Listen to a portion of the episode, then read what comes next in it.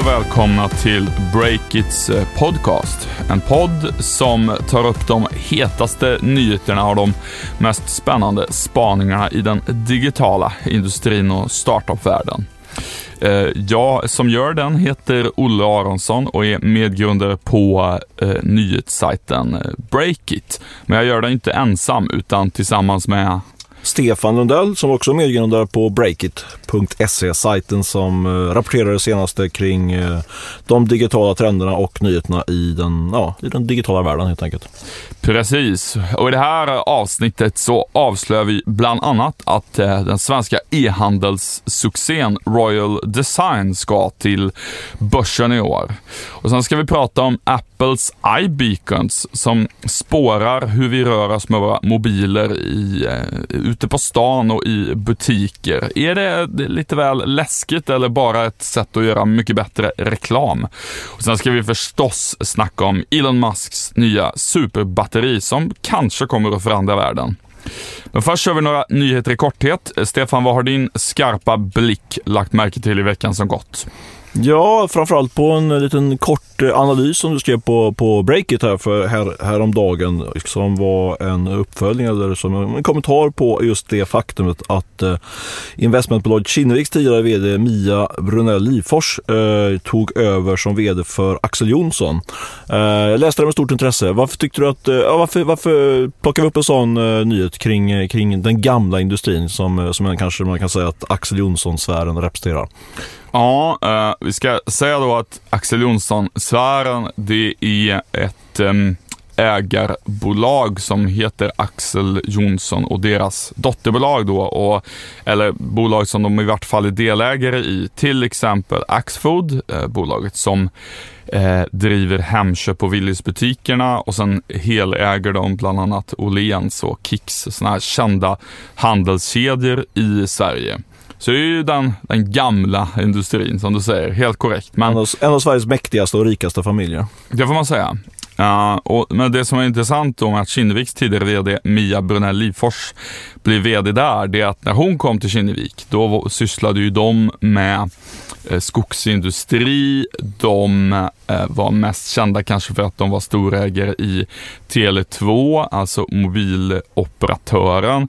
Men när hon lämnade Kinnevik, då hade bolaget stöpts om till en koncern som koncentrerar sig på framförallt eh, e-handel, men även tech och eh, nya digitala tjänster i allmänhet. Och då kan man ju fundera på om Axel Jonsson har eh, rekryterat henne ja, för, för, att göra samma resa som, som Kinnevik gjorde. Eh, vad, vad är din bild, Stefan?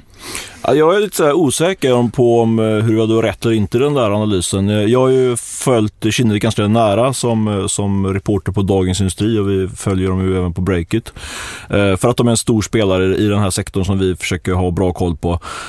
Och jag har faktiskt aldrig riktigt fått klarhet hur mycket Mia Brunell Lifors hade del i det där strategiska skiftet. Hon som vd har hon klart eh, en, en, viktig, en viktig roll, men jag tror mig veta att det var väl framförallt eh, Christian Stenbeck själv då som, som låg bakom det här, eh, det här eh, beslutet helt enkelt gå in där. Hon hade god hjälp av eh, en kille som heter Henrik Persson som, som ledde den, eh, det operativa kan man säga, investeringsarbetet där. De investerade bland annat till exempel då i Avito och, och och eh, som varit väldigt framgångsrik. Men, eh, men jag menar, hon är såklart eh, har hon ju bra koll på det här med digitalt. Så det, jag tror, jag landar nog ändå i att det, att det är en, en sak som kan få betydelse för alla vi som följer och verkar i techbranschen. Jag tror att det kan bli så att Axel Jonsson-sfären eh, går djupare in i, i det digitala. De har ju börjat med det en del, ska vi säga då. Oaktat historiken så är det så att de är i en lite grann sån omvandling eh, Dels för att eh, de förstås kikar på hur deras företag, typ Hemköp och Willys, liksom ska bli bättre på e-handel och så, men också i och med att de har startat ett riskkapitalbolag som heter Deax som bland annat var första investerare i magasinsappen Story. Så att de har ju igång en liten låda, ett mini, mini, mini Kinevek eller vad man ska kalla det för, om man vill liksom dra tolkningen hela vägen åt det hållet. Men intressant uppslag. Jag tycker det är något som vi borde titta på närmare på breaket. Vad gör de stora finans, eh, de stora rika familjerna? Alltså Kinnevik och Stenbeck är ju väldigt känt, men det, jag tror att det finns andra kända finansfamiljer som, som gör en hel del eh, intressant i det här segmentet. Det blev en lång nyhet i korthet. Du, en kortare sån. Jag såg, nyhet. ja, jag ja, men det är sant. Eh, jag såg att Skype, i all korthet då, efter att ha blivit dumpade av Facebook, de hade ju ett ganska djupt samarbete tidigare, så har Skype lanserat eh, samtal för 10 000 personer samtidigt. Och det verkar som att Skype, som ju ägs av Microsoft numera, men som grundades bland annat av eh, svenska Niklas Sandström, att de eh, siktar in sig på att bli lite mer av en affärstjänst nu när Facebook bland annat också lan lanserar videosamtal så man kan prata med folk. Det låter som en kakafoni om 10 000 personer samtidigt ska prata. Hur menar du då? Ah, jag, jag, jag tror så här, det, just siffran 10 000 kan man ju diskutera liksom hur ofta det kommer vara aktuellt, men alltså eh, det, det är nog inte att alla liksom ska ha en, en dialog, eller vad, vad blir det? En, jag vet inte vad, vad ordet för ett, ett, samtal, dialog är väl två personer, jag vet inte vad ordet för 10 000 personer är, men, ja, men det är nog mer liksom att man ska använda Skype för att prata med sina anställda om man är VD och har anställda i typ 20 ah, länder. Liksom. Jag med det, jag fattar. Eh, och, och, då kan du ju liksom, om man använder det till det, kanske man använder det till alla möjliga andra sorters affärsrelaterade samtal. Och Microsoft har ju redan mycket den typen av kunder snarare än privatkunder just nu. Och Skype får inte heta Skype nu längre enligt e, något beslut i EU-kommissionen. Nej, det är väldigt intressant. Undrar vad de kommer döpa om det till i så fall. Men de, har, de har överklagat igen, så det där känns som en riktigt, riktigt långbänk. Ja, det kan det nog bli. Flera nyheter i korthet. Du har snappat upp såklart ett gäng. Ja, eh, kampen mellan eh, artisterna, musikerna och eh, distributörerna, typ Spotify tänker jag på då, den fortsätter och hårdnar nu. Sony Music, de tar bort all sin musik från Soundcloud, den tyska ljudtjänsten som grundades av svenskarna Erik Wahlfors och Alexander Ljung. Uh, och samtidigt så sägs ju då Apple pressa skivbolag att de ska försöka förbjuda Spotifys gratismodell. Soundcloud har ju också en modell där det går att lyssna gratis. Det känns lite grann som att det här är på väg att utvecklas till den hårdaste striden uh, i musikbranschen sen uh, det här Napster-upproret var på i, kan det ha varit slutet av, av 90-talet när Napster till slut väl förbjöds om, om jag inte minns fel. Ja, det där är otroligt intressant. Det kommer nyheter varje dag faktiskt kring, kring kanske framförallt Spotify då. Uh, så det där håller vi koll på. Uh, jag skulle vilja tipsa om eh, en, en annan podcast faktiskt uh, som har dratt igång här nu för ett par veckor sedan som heter Framgångspodden. och jag lyssnade på den i, i igår och då var det en intervju med en kille som heter Filip Tysander. Har, känner du till honom? Nej, men vi kanske kan berätta någonting om Framgångspodden bara.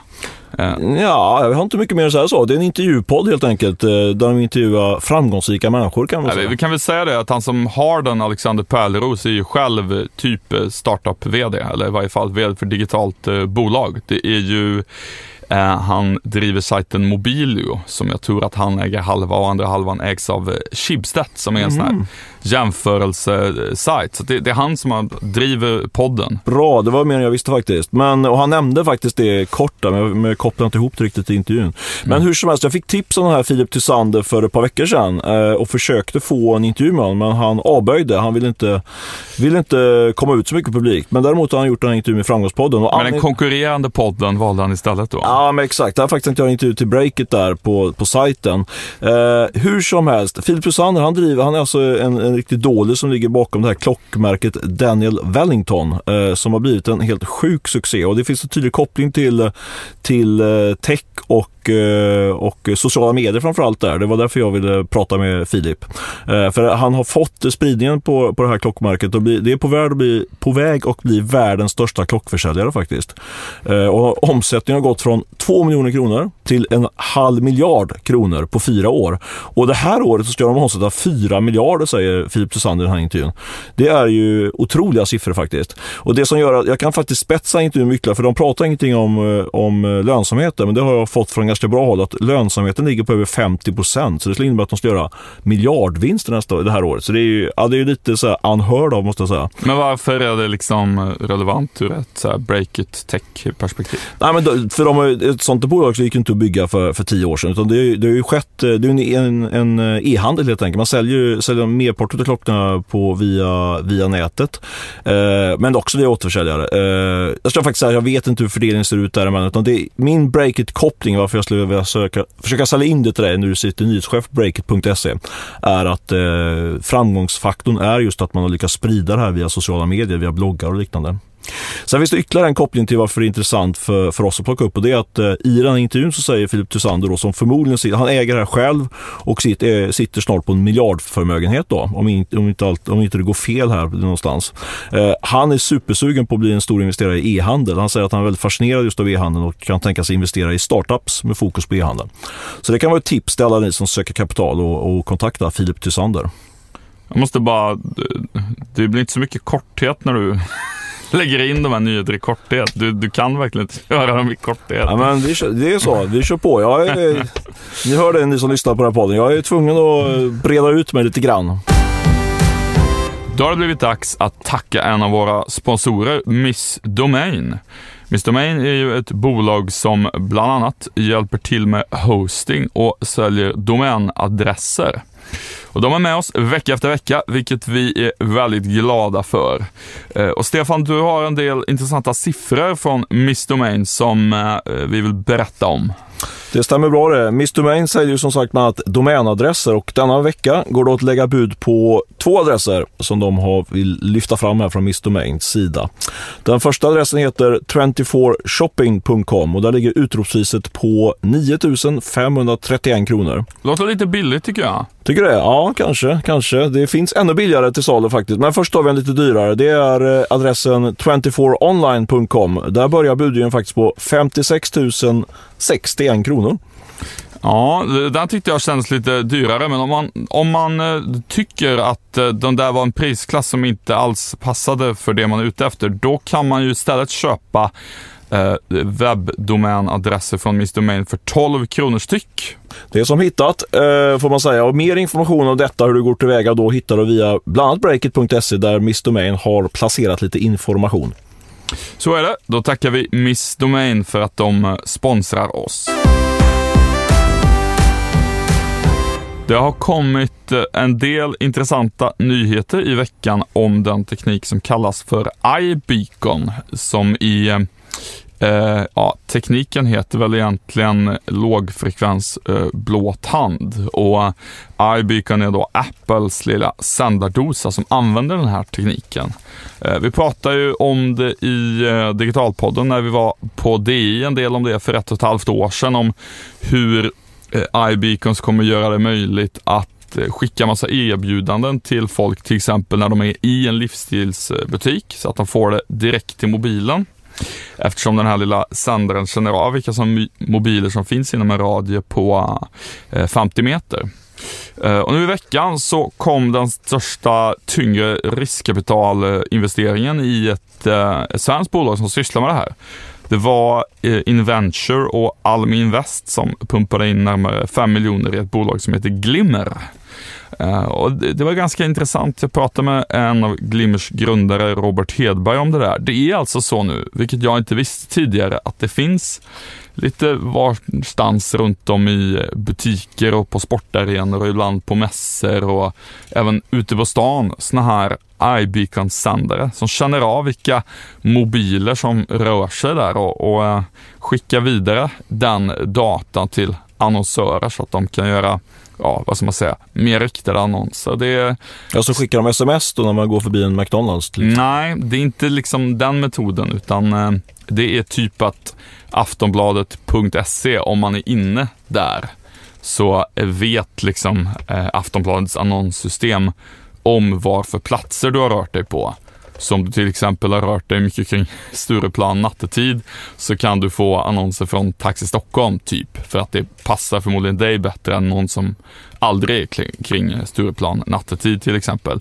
Och det är ingen hake att man måste aktivera telefonen på något sätt? Utan ja, det är att man kan avaktivera. Aha, okej. Okay. Och det är väl två som gör antar jag? Ja, det tror jag. Och det, jag tror det är liksom, det här har liksom kommit nu lite grann i smyg och det är inte riktigt någon som vet om att det är så att när du går in på, på Pressbyrån så kan det finnas den här sändare som känner av att din, att din mobil är där vissa tider på dygnet, typ när du är på väg till jobbet eller vad det är. Men vad, vad känner du? Tycker du det känns lite småläskigt eller vad är det? Jag minns ju bara vår rubrik där i Dagens Industri att nu kan ICA-handlarna spionera på dig. Eh, ja. Den var väl inte helt uppskattad från eh, ICA centralt, men, eh, men det fanns ju en hel del, eller det var ju 100% sanning så att säga den rubriken, för det är väl det, det är väl bara vad man kallar spionera eller söka information om sina kunder. Mm. Så det tror jag är en, en, kan man säga det, en tickande bomb som kanske som bara väntar på att explodera i någon, någon, på någon kvällstidningssajt. Alltså det finns ju ändå, finns ju ändå någonting eh, integritetskränkande där kanske. Eller för det finns säkert någon som kan känna sig kränkt av det.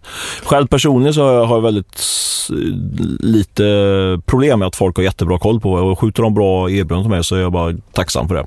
Jag, jag, så jag, jag brukar alltid ha svårt att gå igång på den integritetshistorien men eh, efter att ha sett dokumentären om, om Snowden här nu i veckan så är jag väl lite mer skeptisk måste jag säga utifrån från det perspektivet. Det man väl kan säga är liksom att eh, det är eh, lättare att en typ kvällstidningsstorm eh, briserar i Sverige om att oj, så här blir du övervakad när du köper sig på Pressbyrån, typ.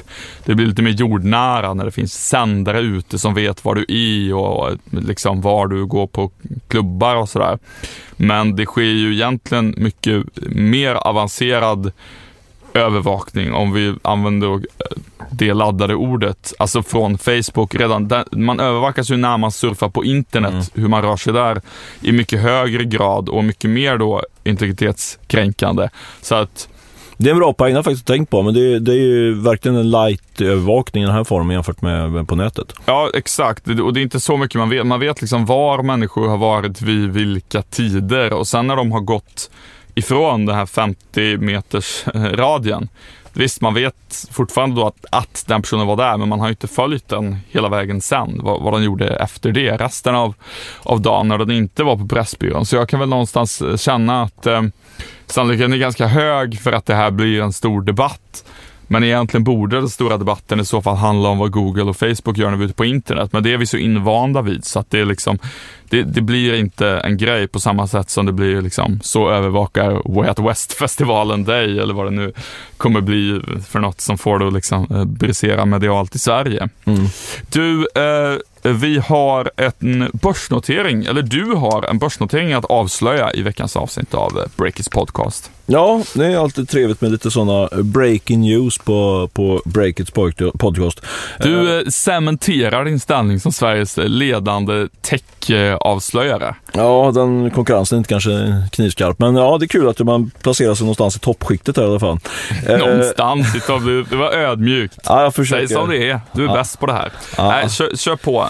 Nu blir jag nästan generad här, men alltså det, det, den hårda nyheten är att, att, eh, att Royal Design då ska noteras i Stockholm. Det tycker jag är intressant ur flera aspekter. Eh, dels är det tydligt tecken på att börsen blir liksom allt hetare och hetare bland svenska techbolag. Senaste exemplet innan Royal Design var ju Tobii To be, eller vad var det? To be, to be I, I ja. som de tycker att man ska säga, men som vi vägrar säga. Ja, To be. De noteras ju och blev en stor succé där och nu kommer då Royal Design. Eh, det är ett rätt stort bolag. De säljer ju inredningsprylar på nätet. Jag har snackat några gånger med vdn där och grundaren Hans Bengtsson eh, som är en riktigt duktig entreprenör från, från Småland och Kalmar.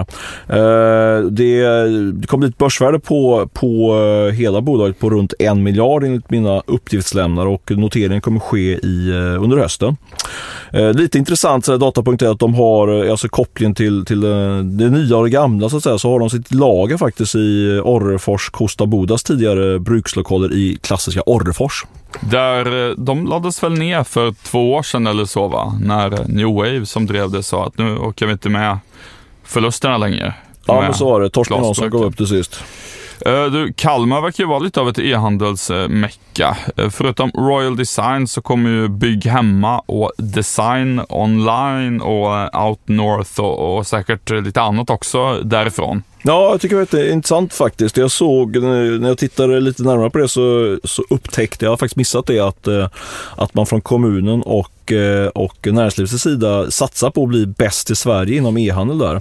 Eh, man har gått samman och lagt in ett antal miljoner och har faktiskt planer på att inrätta en professur i, inom e-handeln, en e-handelsprofessor. Åh, vad spännande. Vem det än blir så känns det som en klockren framtida poddgäst. Verkligen, verkligen. Gud vad, vad, vad, underbart att det börjar dyka upp eh, sånt, sånt nu. Jag minns hur glad jag blev när det första gången kom någon som var professor i, eh, i serietidningar. Det, känns liksom som ett erkännande för, för en sån här eh, tidigare obskyr eh, nördgrej. Kul för e-handeln. Eh, du, Kalmar kan ju kanske ta upp kampen då med det här Helsingborg slash Ängelholm-klustret i, i Skåne som annars brukar marknadsföra sig som, som, som bäst i Sverige. Ja, faktiskt. Vi kanske borde åka ut på en liten reportageresa till båda de orterna. kanske kan bli en tuff debatt på Breakit. En stadskamp mellan de båda e-handelsklustren om, om vilka som är bäst. Ja. Ni kan ju mejla mig på odle.breakit.se om ni vill, eh, om ni vill styra upp en sån eh, lokalpatriotisk eh, fejd i, i medierna. Innan vi lämnar Royal Design måste jag bara ta en liten anekdot som jag tyckte var rätt kul också, som jag fick reda på när jag grävde runt kring Royal Designs eh, börsplaner. Det var ju så att jag skrev faktiskt om det. Man, det är lite kul när man skriver saker och ting så får man liksom inte hela storyn klart för sig direkt när man, när man publicerar artikeln. Här, för, för något år sedan eller två så köpte ju Royal Design ett gäng serverarbutiker från ICA. Eh, och det skrev jag om, men eh, bakgrunden till det där var tydligen att ICA eh, tänkte sig kränga de här, hela servera-kedjan eh, och det gjorde de väl sen senare också om jag inte minns fel. Eh, men då gjorde de i, för ett sätt då, på ett sätt försöka få liksom, klä upp bruden och få upp eh, värdet på, på eh, serverarbutiken. Så sa de upp alla kontrakter med sina franchisetagare för att då tänka sig omförhandla och få ner priset mot dem då. Men det där fick då Royal Design, jag kan misstänka att det var Hans, vad heter han, Hans Bengtsson då som fick nys om det där och då gick han helt, tog han helt sonika kontakt med alla de här kontraktslösa franchisetagarna och snodde över en stor del av de där butikerna. Klassiskt små småländskt rappt eh, entreprenörskap. Ja, smart. Uh, ja, det är intressant att se hur eh, alla passar på nu och, ser att det liksom är läge att gå till börsen med olika typer av digitala bolag. Det senaste så här halvgalna exemplet var ju Etsy som i en marknadsplats för konsthantverk och sånt.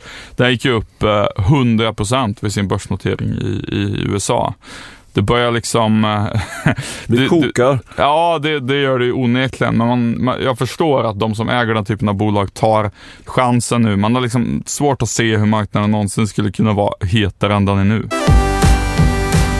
Vi är glada och meddelar att vi har en ny sponsor den här veckan, nämligen Makers Academy. Det är ju brist på utvecklare i Sverige och det finns ett eh, stort behov av nya rekryter. Och Makers Academy de har siktat in sig på att vara en del av eh, lösningen på det problemet. Så är det. Makers Academy är ett Londonföretag som sedan 2013 ordnat så kallade bootcamps som alltså är intensiva och krävande utbildningar hur man skriver kod kan man väl sammanfatta det. Eh, I juli drar de igång sin första camp i Göteborg och tar just nu emot ansökningar. Det är långt ifrån säkert att man kommer in men om man gör det och klarar det intensiva tempot och de långa dagarna så är man redo att börja som juniorutvecklare faktiskt på ett techbolag eller om man är entreprenör så kanske man kodar sin första version av en app eller en annan tjänst. Om man vill lära sig koda på tre månader så kan man gå in på makersacademy.se och så kan man eh, bland annat titta på där vad tidigare studenter har gjort för att få en bild av vilken eh, nivå man kan nå på den här ganska korta tiden. Tack Makers Academy för att ni är med och sponsrar Breakit. Nu måste vi ju prata en del om Teslas nya superbatteri tycker jag. Jag läste och eh, tittade framförallt på grundaren Elon Musks dragning på Youtube här förra helgen och eh, blev faktiskt väldigt fascinerad. Eh, kan inte du Olle berätta lite grann vad det handlar om? Ja, eh, det gör jag så gärna. De nya batterierna, det är två stycken då, Powerwall och Powerpack, som Tesla, eh, som ju annars är ett elbilsföretag, eh, har lanserat. De Eh, de här batterierna är eh, ett sätt att bli självförsörjande på el på ett sätt som inte riktigt är möjligt idag. Tanken är att man, eh, om man till exempel är ett företag som har en massa solceller på taket, eh, ska kunna gå off-grid, som amerikanerna säger. Alltså koppla loss sig från elnätet. Eh, det vet ju ni alla som har betalat en elräkning en gång, att man har dels en eh, elräkning och så en nätavgift. Eh, och den här nätavgiften är ju väldigt svår att komma ifrån idag i och med att du har liksom svårt att, att, lagra el. Även om du har massa solpaneler eller om du inte, äger ditt eget vindkraftverk liksom, så eh, finns det ju variationer i produktionen där och då eh, behöver man det här nätet eh, för att liksom balansera ut så man har tillgång till el hela tiden. För, men, att, för att solen går i moln och att den går ner helt enkelt? på det. Ja, men precis. Att solen går i moln är ju inget jättestort problem ja, faktiskt. Men eh, att den, eh, till exempel att vi har få soltimmar på vintern i Sverige. Ja, det blir ett problem även med batterierna då, men natten, absolut. Det leder ju till exempel till en ojämnhet i produktionen. Eh, men med de här batterierna då, så kan man lagra el och på så vis skulle man då kunna ja, koppla loss sig från elnätet och bli verkligen helt eh, självförsörjande. Ah, um, och, och Elon Musk driver, driver tesen att det här kan, är ju liksom lösningen på hela energiproblemet. Att uh, man behöver inte använda sig av fossila bränslen om man, om man implementerar den här, den här tekniken. En cool grej tyckte jag med den, med den dragen som Elon Musk hade, det var att han eh, också uh, sa att han skulle lägga ut hela den här uppfinningen på, alltså att man kan få tillgång, alltså, precis som open source i, i programmeringsvärlden skulle vara samma med att man lägger ut ritningarna så man kan, andra kan innovera och utnyttja den, den tekniken som de har tagit fram. Det tycker jag är ganska det är lite hatten av ändå på, för Elon Musk. Ja, och framför, så kan man tänka liksom, ja det är ju fint och, och liksom altruistiskt och sådär, men vad jag är också imponerad av det är liksom att han är ändå vd för ett börsnoterat bolag. Det är ju alla aktieägare som äger ritningarna. Mm. Det är mm. rätt stark så, intern lobbyinsats av honom, att han liksom fått med alla andra på att nu ska vi bara lägga ut våra ritningar här. Så kan man ju tänka sig själv, det finns nog en och annan som tycker, va, nej vadå, de där ska vi äga. Men nej, han har lyckats eh, övertyga alla om det. Det är imponerande. Uh, och det här har ju då liksom lyfts fram som att, hmm, då kommer liksom vem som helst som har en villa i USA någonstans nu kunna koppla loss sig från från, från elnätet och bli helt självförsörjande och sådär. Och det är väl liksom inte helt eh, säkert att det kommer vara den bästa lösningen för alla att skaffa ett så batteri hemma i nuläget. Det som jag tycker är mest eh, intressant med det, det är eh, typ fabriker och eh, byar i Afrika till exempel som eventuellt ligger väldigt eh, långt ifrån eh, ett ordinarie elnät. Det är så att om man till exempel bygger någon typ av eh, fabrik mitt ute i eh, öknen någonstans som ska tillverka någonting. Ett stort eh, problem blir då att även om du har solpaneler som, som driver det där så om fabriken ligger liksom väldigt långt bort från elnätet blir det ändå en problematik med att du måste transportera dit el och kanske dra en ledning och så. Om du använder powerpack för att lagra energin och, och jämna ut användningen av den på så vis, så kan du lösa det problemet. Och även eh, en by som ligger någonstans långt ut på ja, någonstans väldigt avlägset eh, kan ju använda sig av den här typen av batterier och solceller för att få en, en jämnare elproduktion.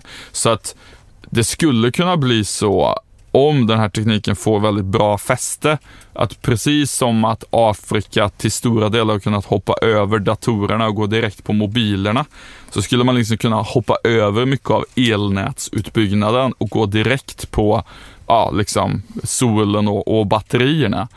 Eh, och det tycker jag, det är ju det som jag tycker är mest kittlande med det här.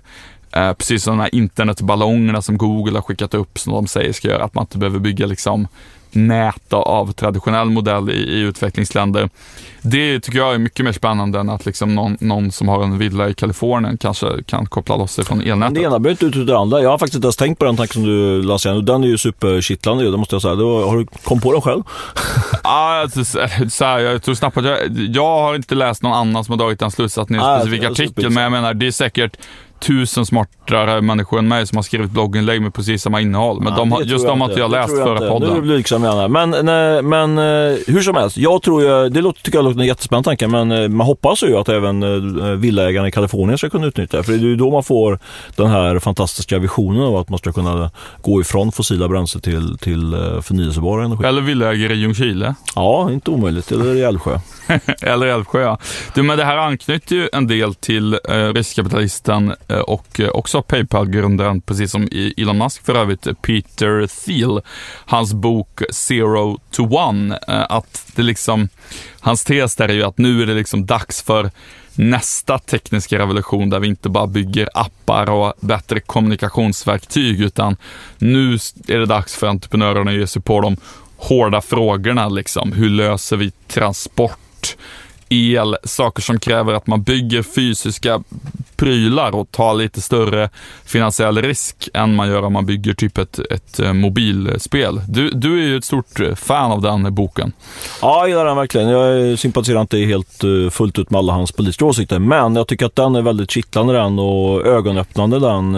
Tankarna har om att man tror ju att tekniken har kommit oerhört långt på, och att vi liksom lever i, en, i någon form av tekniskt tidevarv nu. Men han driver ju tesen att vi har faktiskt inte hänt alls speciellt mycket förutom just inom de områden som du sa. Då. Eh, Så eh, det, är- ja, det är väl lite grann eh, grundtesen i, i, i vår, vår filosofi också kring Breakit, att innovation kan faktiskt förändra och rädda världen. Ja, och att det- bara liksom har börjat någonstans. Jag tycker att det är ett kittlande sätt att se på det som, är det Peter Thiel som har sagt att vi, ja, vi drömde om flygande bilar och vad vi fick var 140 tecken. Ja, men exakt. Alltså som i Twitter-inlägg. Nej, men han är väldigt sådär, han, den, den, den boken kan jag verkligen rekommendera. Den kom ut i slutet förra året, så heter det Zero to One. Det är bara att googla upp och köpa alltså ett X. Ja, eller använda sig av någon annan sökmotor, exempelvis eh, Bing, för att ta reda på saker. Så jag har börjat göra nu. Jag kan återkomma med en rapport i, i podden om hur livet när man inte googlar saker hela tiden är. Eh, men det blir senare. Eh, vi ska nu avsluta det här avsnittet, men innan det så ska vi säga att podden spelades in och klipptes hos Beppo ljudproduktion, en eminent byrå som hjälper till exempel poddar med sånt på Södermalm i Stockholm. Eh, Följ oss på, på Twitter, breakit-se eller mig på Olle eh, Aronsson, kort och gott på Twitter. Och där heter du Stefan. Stefan Lundell helt enkelt. Ja, eh, kort och gott. Ha det bra tills nästa vecka så hörs vi då. Hej då! Hej!